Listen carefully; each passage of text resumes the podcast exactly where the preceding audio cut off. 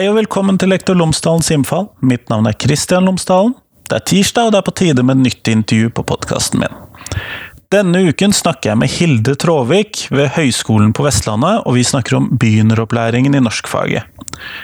Dette skjer samme uke, dvs. Si på torsdag, så er det en begynneropplæringskonferanse ved Høgskolen på Vestlandet, sånn at tidspunktet for podkasten passer ganske godt. I samtalen med Hilde Tråvik så kommer vi innom høytlesning, vi kommer innom seksåringen i skolen, vi kommer innom kartlegging av alle elevene, og vi kommer innom dette med å ha karakterer, ikke ha karakterer i barneskolen, osv., osv. Sånn at det tror jeg blir spennende. Men nå skal du i hvert fall få intervjuet. Vær så god.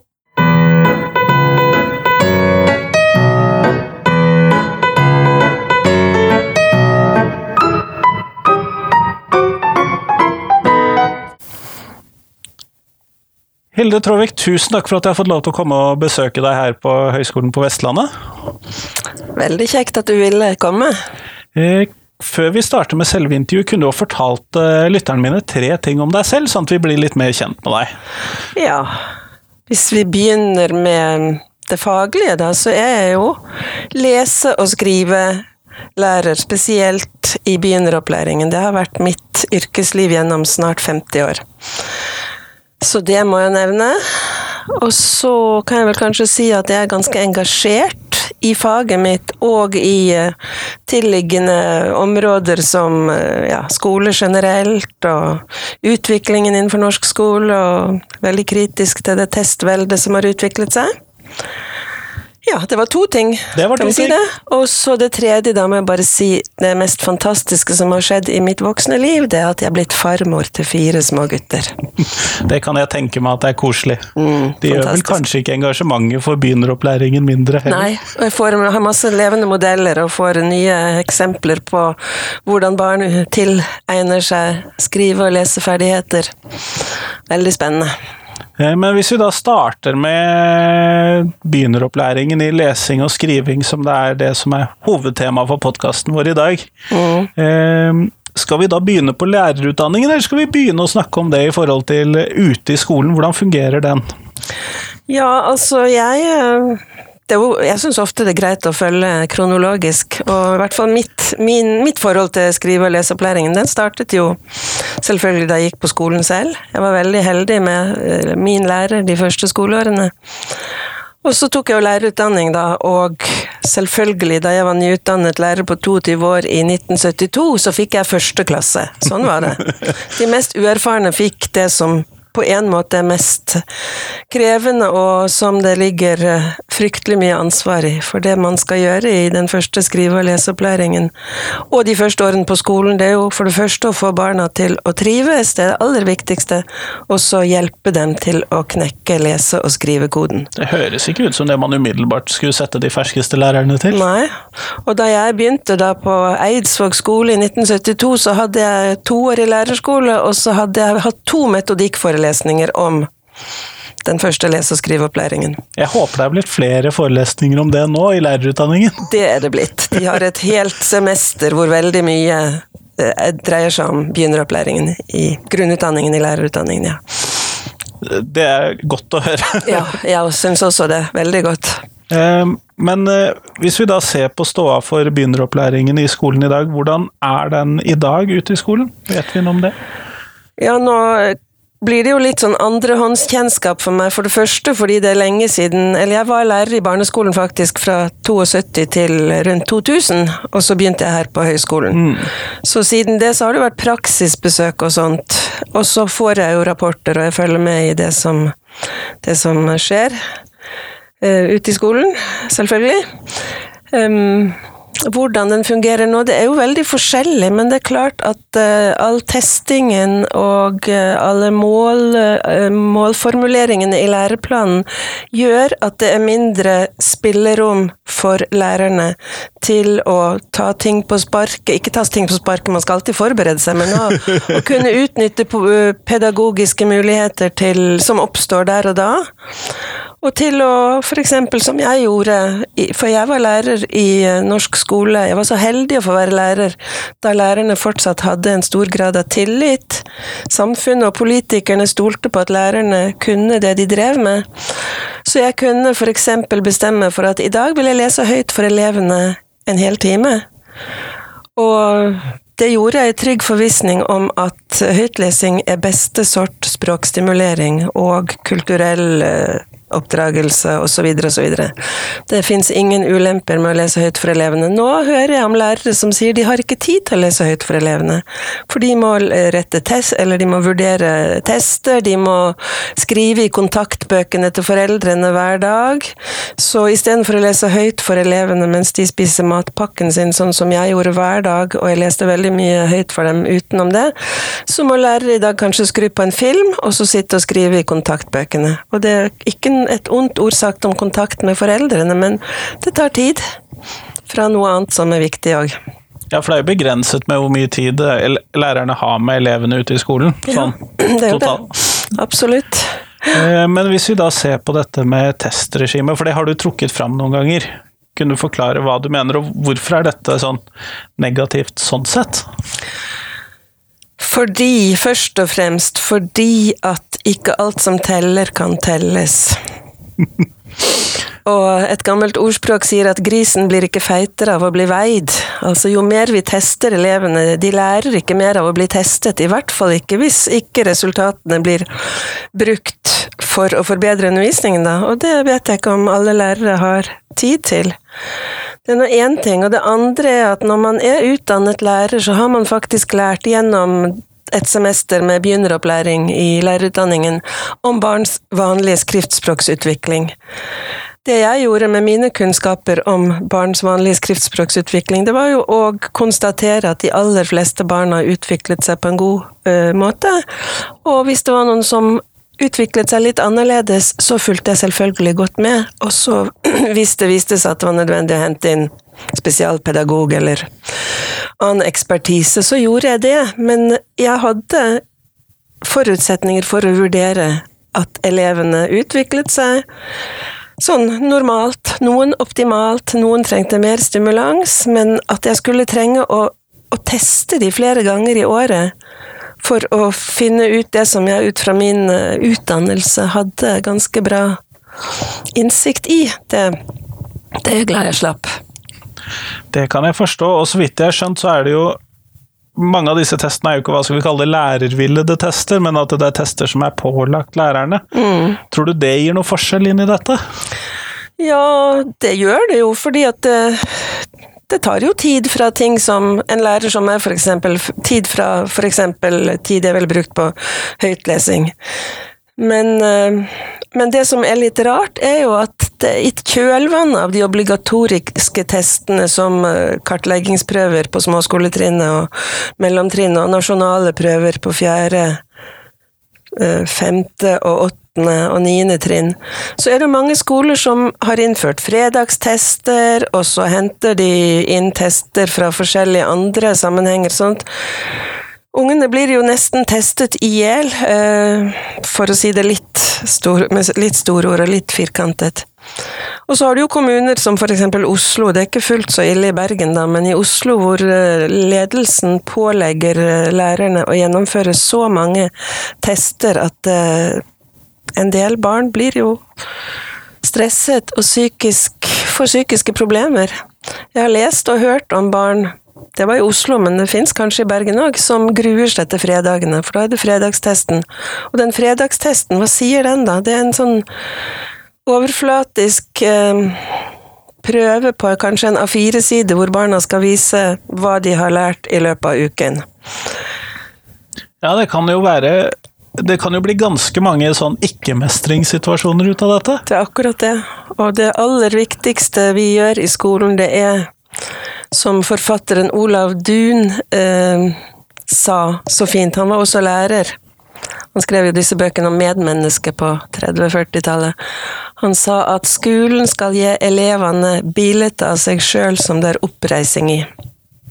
Det syns Ja. jeg er flott. Jeg brukte, den Norsken der var litt gammeldags, så jeg brukte litt tid på å forstå Mm. hva det var.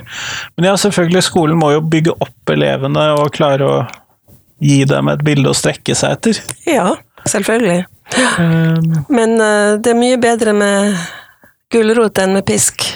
Det er mye bedre å, etter min vurdering, å gi elevene i størst mulig grad troen på at de kan få til ting, istedenfor å gjøre det motsatte, da. Istedenfor å fortelle dem hva de ikke kan, ja. Ja, og når fredagstestene blir delt ut på enkelte skoler, så er det jo poeng. Og har du fått 9 av 30 poeng i noen uker, så kan det jo hende at du ikke riktig tror så veldig på at du kan. Da er du en nipoenger. Ja. Det er jo ikke spesielt godt. Ikke i forhold til 30, nei. Nei, i forhold til 10 så hadde det jo vært veldig godt. Ja, ja, ja, absolutt. Nei, jeg ser den. Men eh, hvis vi da eh, Hvordan skal vi kunne Og nå skal jeg prøve å ta byråkratrollene, men hvordan skal jeg kunne være sikker på at eh, disse barna faktisk lærer noe? Uten dette. Ja, jeg har gjort det i 30 år uten at, uten at jeg savnet de testene, da. Så elevene skrev jo tekster i forskjellige fag, og vi hadde muntlige samtaler og ja, mange forskjellige innfallsvinkler til å eh, se og vurdere at barna utviklet seg som de skulle, og lærte masse. Hmm. Jeg er jo enig med deg. Jeg er jo ikke byråkrat, jeg er jo lærer. Nei, det er godt. Eh, Men eh, hvis vi da skal se på denne lese- og skriveopplæringen, eh, og så trekke det tilbake til de lærerne som vi utdanner i dag, hvis vi da ser på dem, eh, for de får jo da ett semester med fokus på denne delen av lærerutdanningen. Er det nok for at man skal kunne komme seg ut i skolen? Nei da, altså en kunne jo studert dette et helt liv, og enda ha mye å tilegne seg, men det har i hvert fall, utviklet seg positivt fra jeg gikk på lærerskolen på rundt 1970. Tidlig Ja. på forrige århundre, så jeg pleier å si. eh, Med to metodikkforelesninger, og nå har de et helt semester med eh, med første lese- og skriveopplæringsrelaterte emner, og så har de, er de garantert å få praksis ute i på de laveste klassetrinnene. Så og de det lærer man jo også veldig ut? Ja, de får prøve seg, og de får oppleve prøve ut det de har lært i undervisningen på, altså her på høyskolen. Ute i klasserommene, og får justert sikkert, og får fylt ut, for teori og praksis må jo gå hånd i hånd. Det ene holder ikke uten det andre. Nei, eh, og det er jeg jo enig i. Eh, Og der har jeg jo selvfølgelig et veldig lett oppfølgespørsmål, for jeg skal hoppe oss inn i skolen. Er det nok praksis i lærerutdanningen? Nei, det syns jo studentene alltid at det ikke er. Så, og det er det sikkert ikke. Det kan godt hende at det skulle vært mye mer. Um, Som ung, jeg gikk rett på lærerskolen fra, direkte fra gymnaset, men jeg misunte litt de som hadde tatt et år som lærervikar først, for de hadde flere knagger å henge det på. Og, nei, jeg tror godt at uh, Ja, for da var det kanskje ikke så mye praksis ute. Mm, Jo, vi hadde det. Oh, ja, så ja, da, ja da. Vi var på, ute i praksis da, men Nei, men eh, jeg kan ikke bestemme det, men selvfølgelig mer praksis ville ikke skada i det hele tatt. Men hvis vi da ser på lærer... Eh, ikke se på lærerutdanning, den har vi jo vært litt innom, men hvis vi går inn i skolen igjen, inn i småskolen, og så ser vi på lærerne som da er der ute, er det nok ressurser til å drive den eh, begynneropplæringen? Eh, får dette nok prioritet av politikerne, av skolene, sånn at det er nok ressurser til å drive denne begynneropplæringen? Tenker du tidsressurser, eller? Eh, Alt koker vel ned til penger, Ja. ettersom både tid og mannskaper og utstyr og lærere og alt Ja, mulig koster penger, men eh, la oss kalle det tid i dette. Så. Ja. ja, nå har jo politikerne vedtatt denne lærernormen, som eh, i utgangspunktet er jo veldig flott, syns jeg, men det eneste som er synd, er jo at det er ikke nok lærere, så det kommer til å bli mange ufaglærte.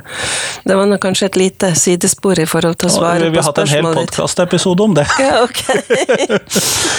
Men ehm, eh, Altså, ressursene er der jo hvis man slapp å gjøre så mange ting som For Annet. alt blir, ja, alt blir jo lagt på lærerne, så jeg forstår veldig godt at mange lærere er litt Jeg vet ikke om jeg tør å si det, det blir jo bare min, mitt inntrykk, da, men at noen er litt apatiske.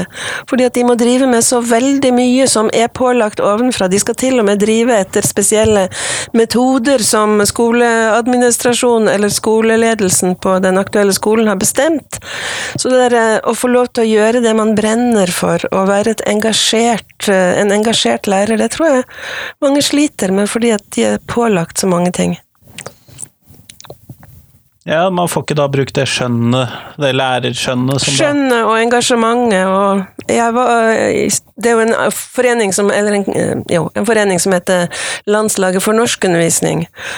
Og de startet i 1979, tror jeg det var. Så fram til den læreplanen som kom på 80-tallet, M87, så var de veldig aktive, og også senere læreplaner, i å prøve å påvirke.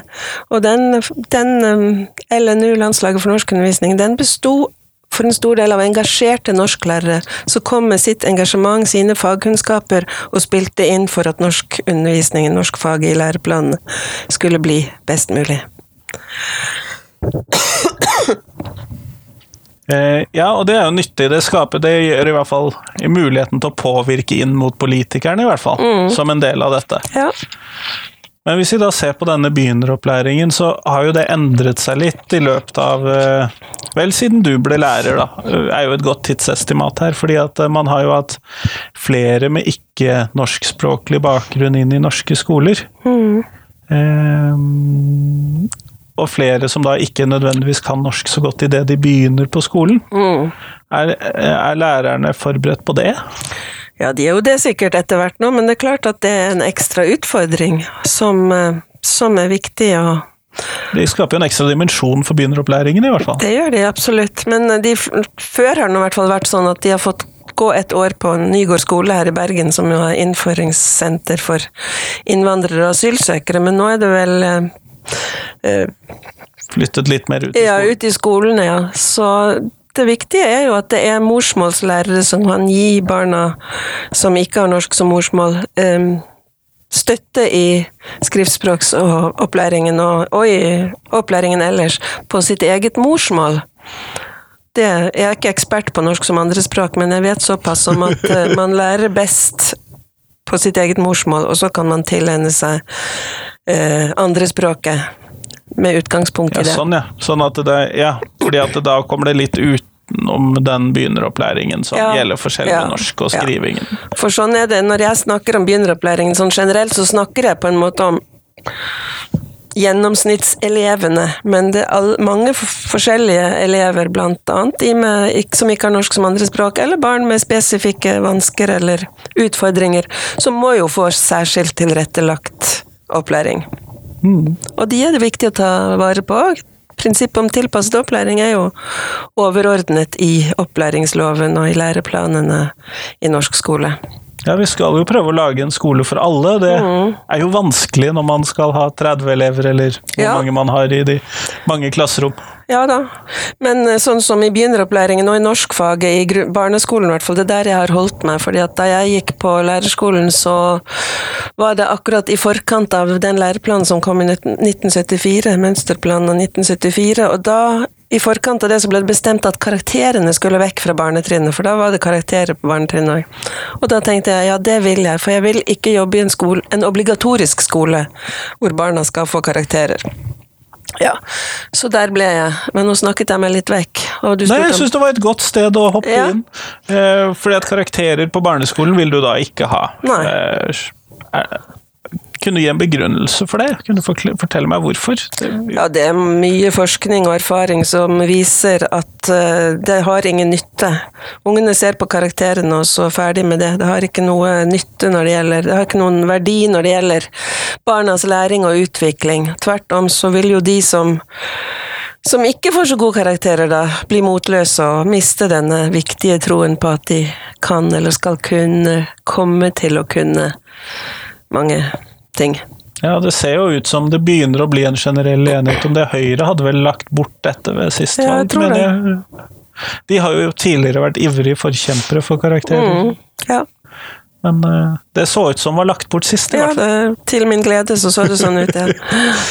uh, små gleder innimellom. Mm. Uh, men sånn at det er i hvert fall et tegn på at vi er på riktig vei med denne begynneropplæringen, eller eh, ser du noen skyer på denne horisonten, eller hvordan? Ja, nei, sky, jo, skyer er det jo absolutt. For uh, dette press, læringspresset og alle kompetansemålene som da L97 kom i, 2000 og, i 1997 L97 kom i 1997, så, så ble jo seksåringene Med. Alderen for skolestart ble senket. Og da var det jo en Da var det jo en uh, forutsetning fra politikerne at eh, den strukturerte skrive- og leseopplæringen ikke skulle begynne i første klasse, at det skulle være det beste fra barnehage og skole. Men så var det mange barn som eh, kom til skolen med den gamle forventningen om at jeg begynner på skolen, så skal jeg lære å lese, skrive og regne. Så noen barn som var modne for det, ble skuffet. Så i 2000, og, i 2000 tror jeg det var, så vedtok Stortinget at det skulle være lov å gi, i lys av prinsippet om tilpasset opplæring, de barna som var modne for det, eh, strukturert lese- og skriveopplæring. Så det var jo bra. Men så kom den første PISA-undersøkelsen, resultatene i 2001, og norske elever, de Altså, statistikk kan leses på mange måter, men Norge var Litt på midten. ja. Og det er jo ikke så verst. Særlig når forskning viste at, eh, at norske elever trivdes veldig godt på skolen. Så jeg var på et seminar den gangen hvor en finsk dosent i begynneropplæring sa at norske elever var egentlig better off enn eh, finske, fordi at de skårer middels på PISA, og de trives på skolen. Mens finske elever de trives ikke på skolen, men skårer høyt på PISA. Sånn var det i hvert fall da.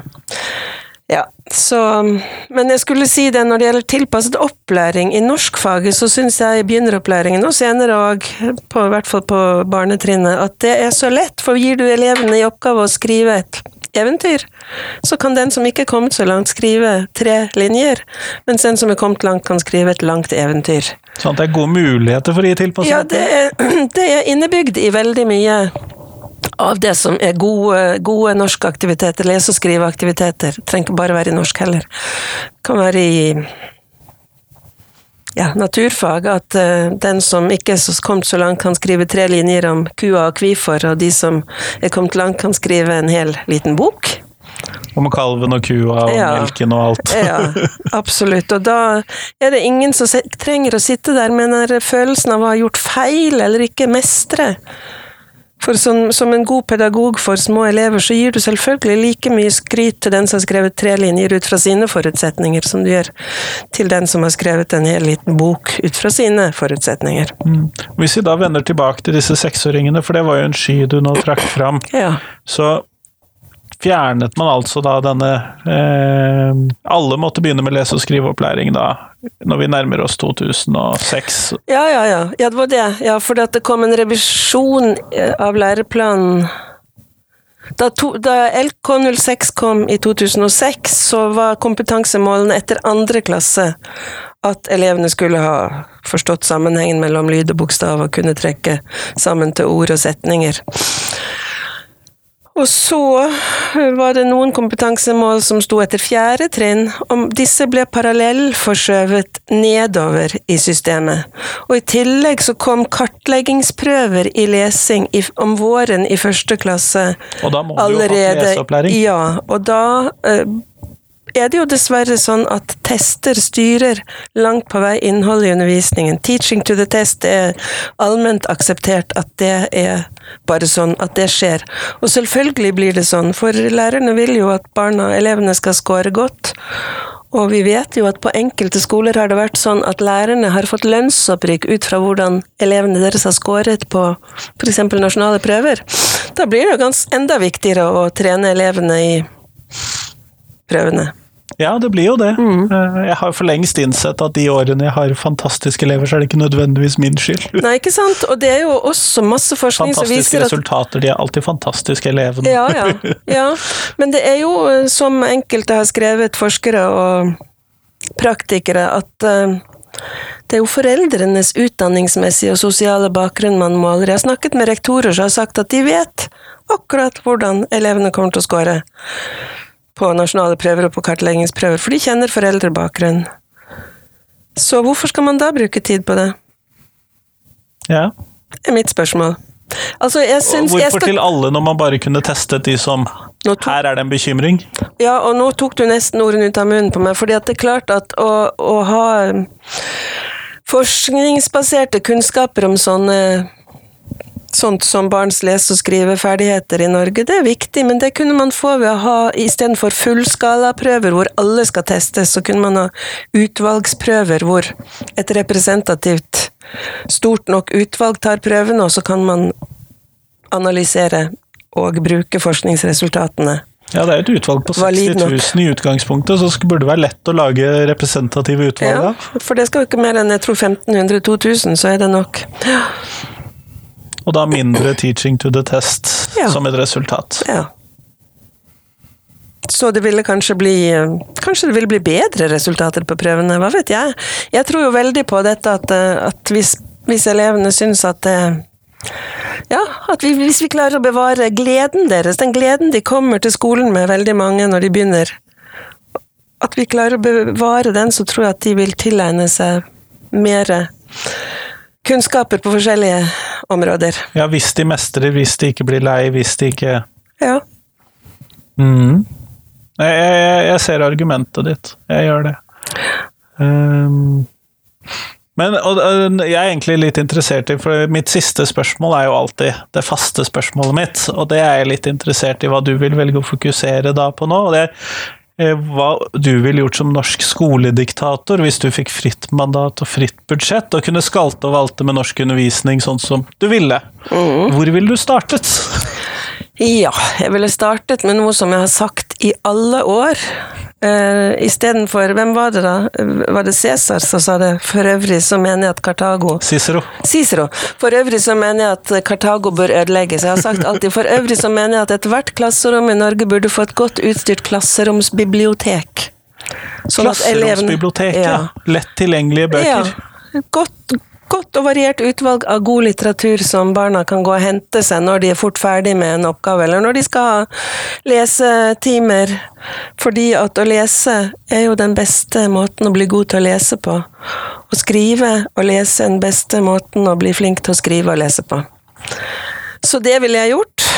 Og så ville jeg ha gjort obligatorisk at lærerne skulle lese høyt for elevene hver dag.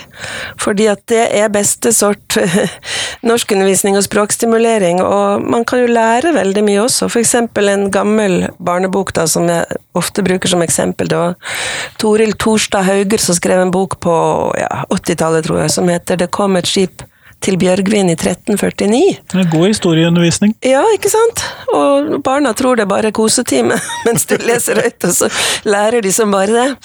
Ja. Det ville jeg gjort. Og så ville jeg selvfølgelig eh, hatt et minimum av tester. Så få som overhodet eh, forsvarlig.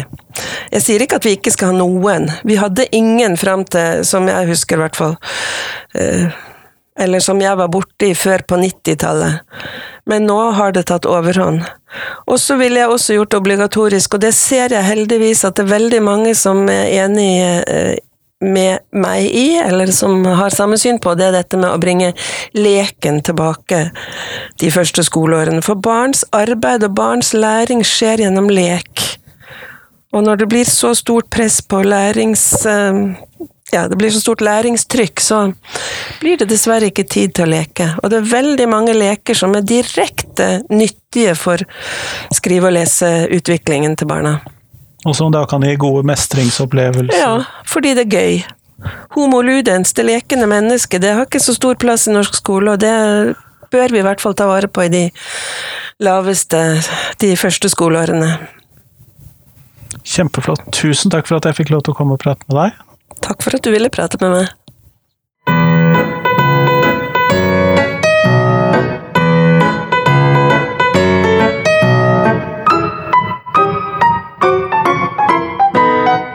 Tusen takk til Hilde, og tusen takk til deg som hørte på. Nå er det en uke til neste podkastintervju, men det ser jeg fram til. I mellomtiden så håper jeg at du kan hjelpe meg med å spre podkasten, og det kan du gjøre gjennom å- skrive en anmeldelse på iTunes. Eh, trykke en en stjernemarkering på iTunes, eller sende den til en venn eller en bekjent eh, enten de, du tror de vil like hele podkasten, eller de kanskje vil ha en episode som passer inn i deres interesseområde.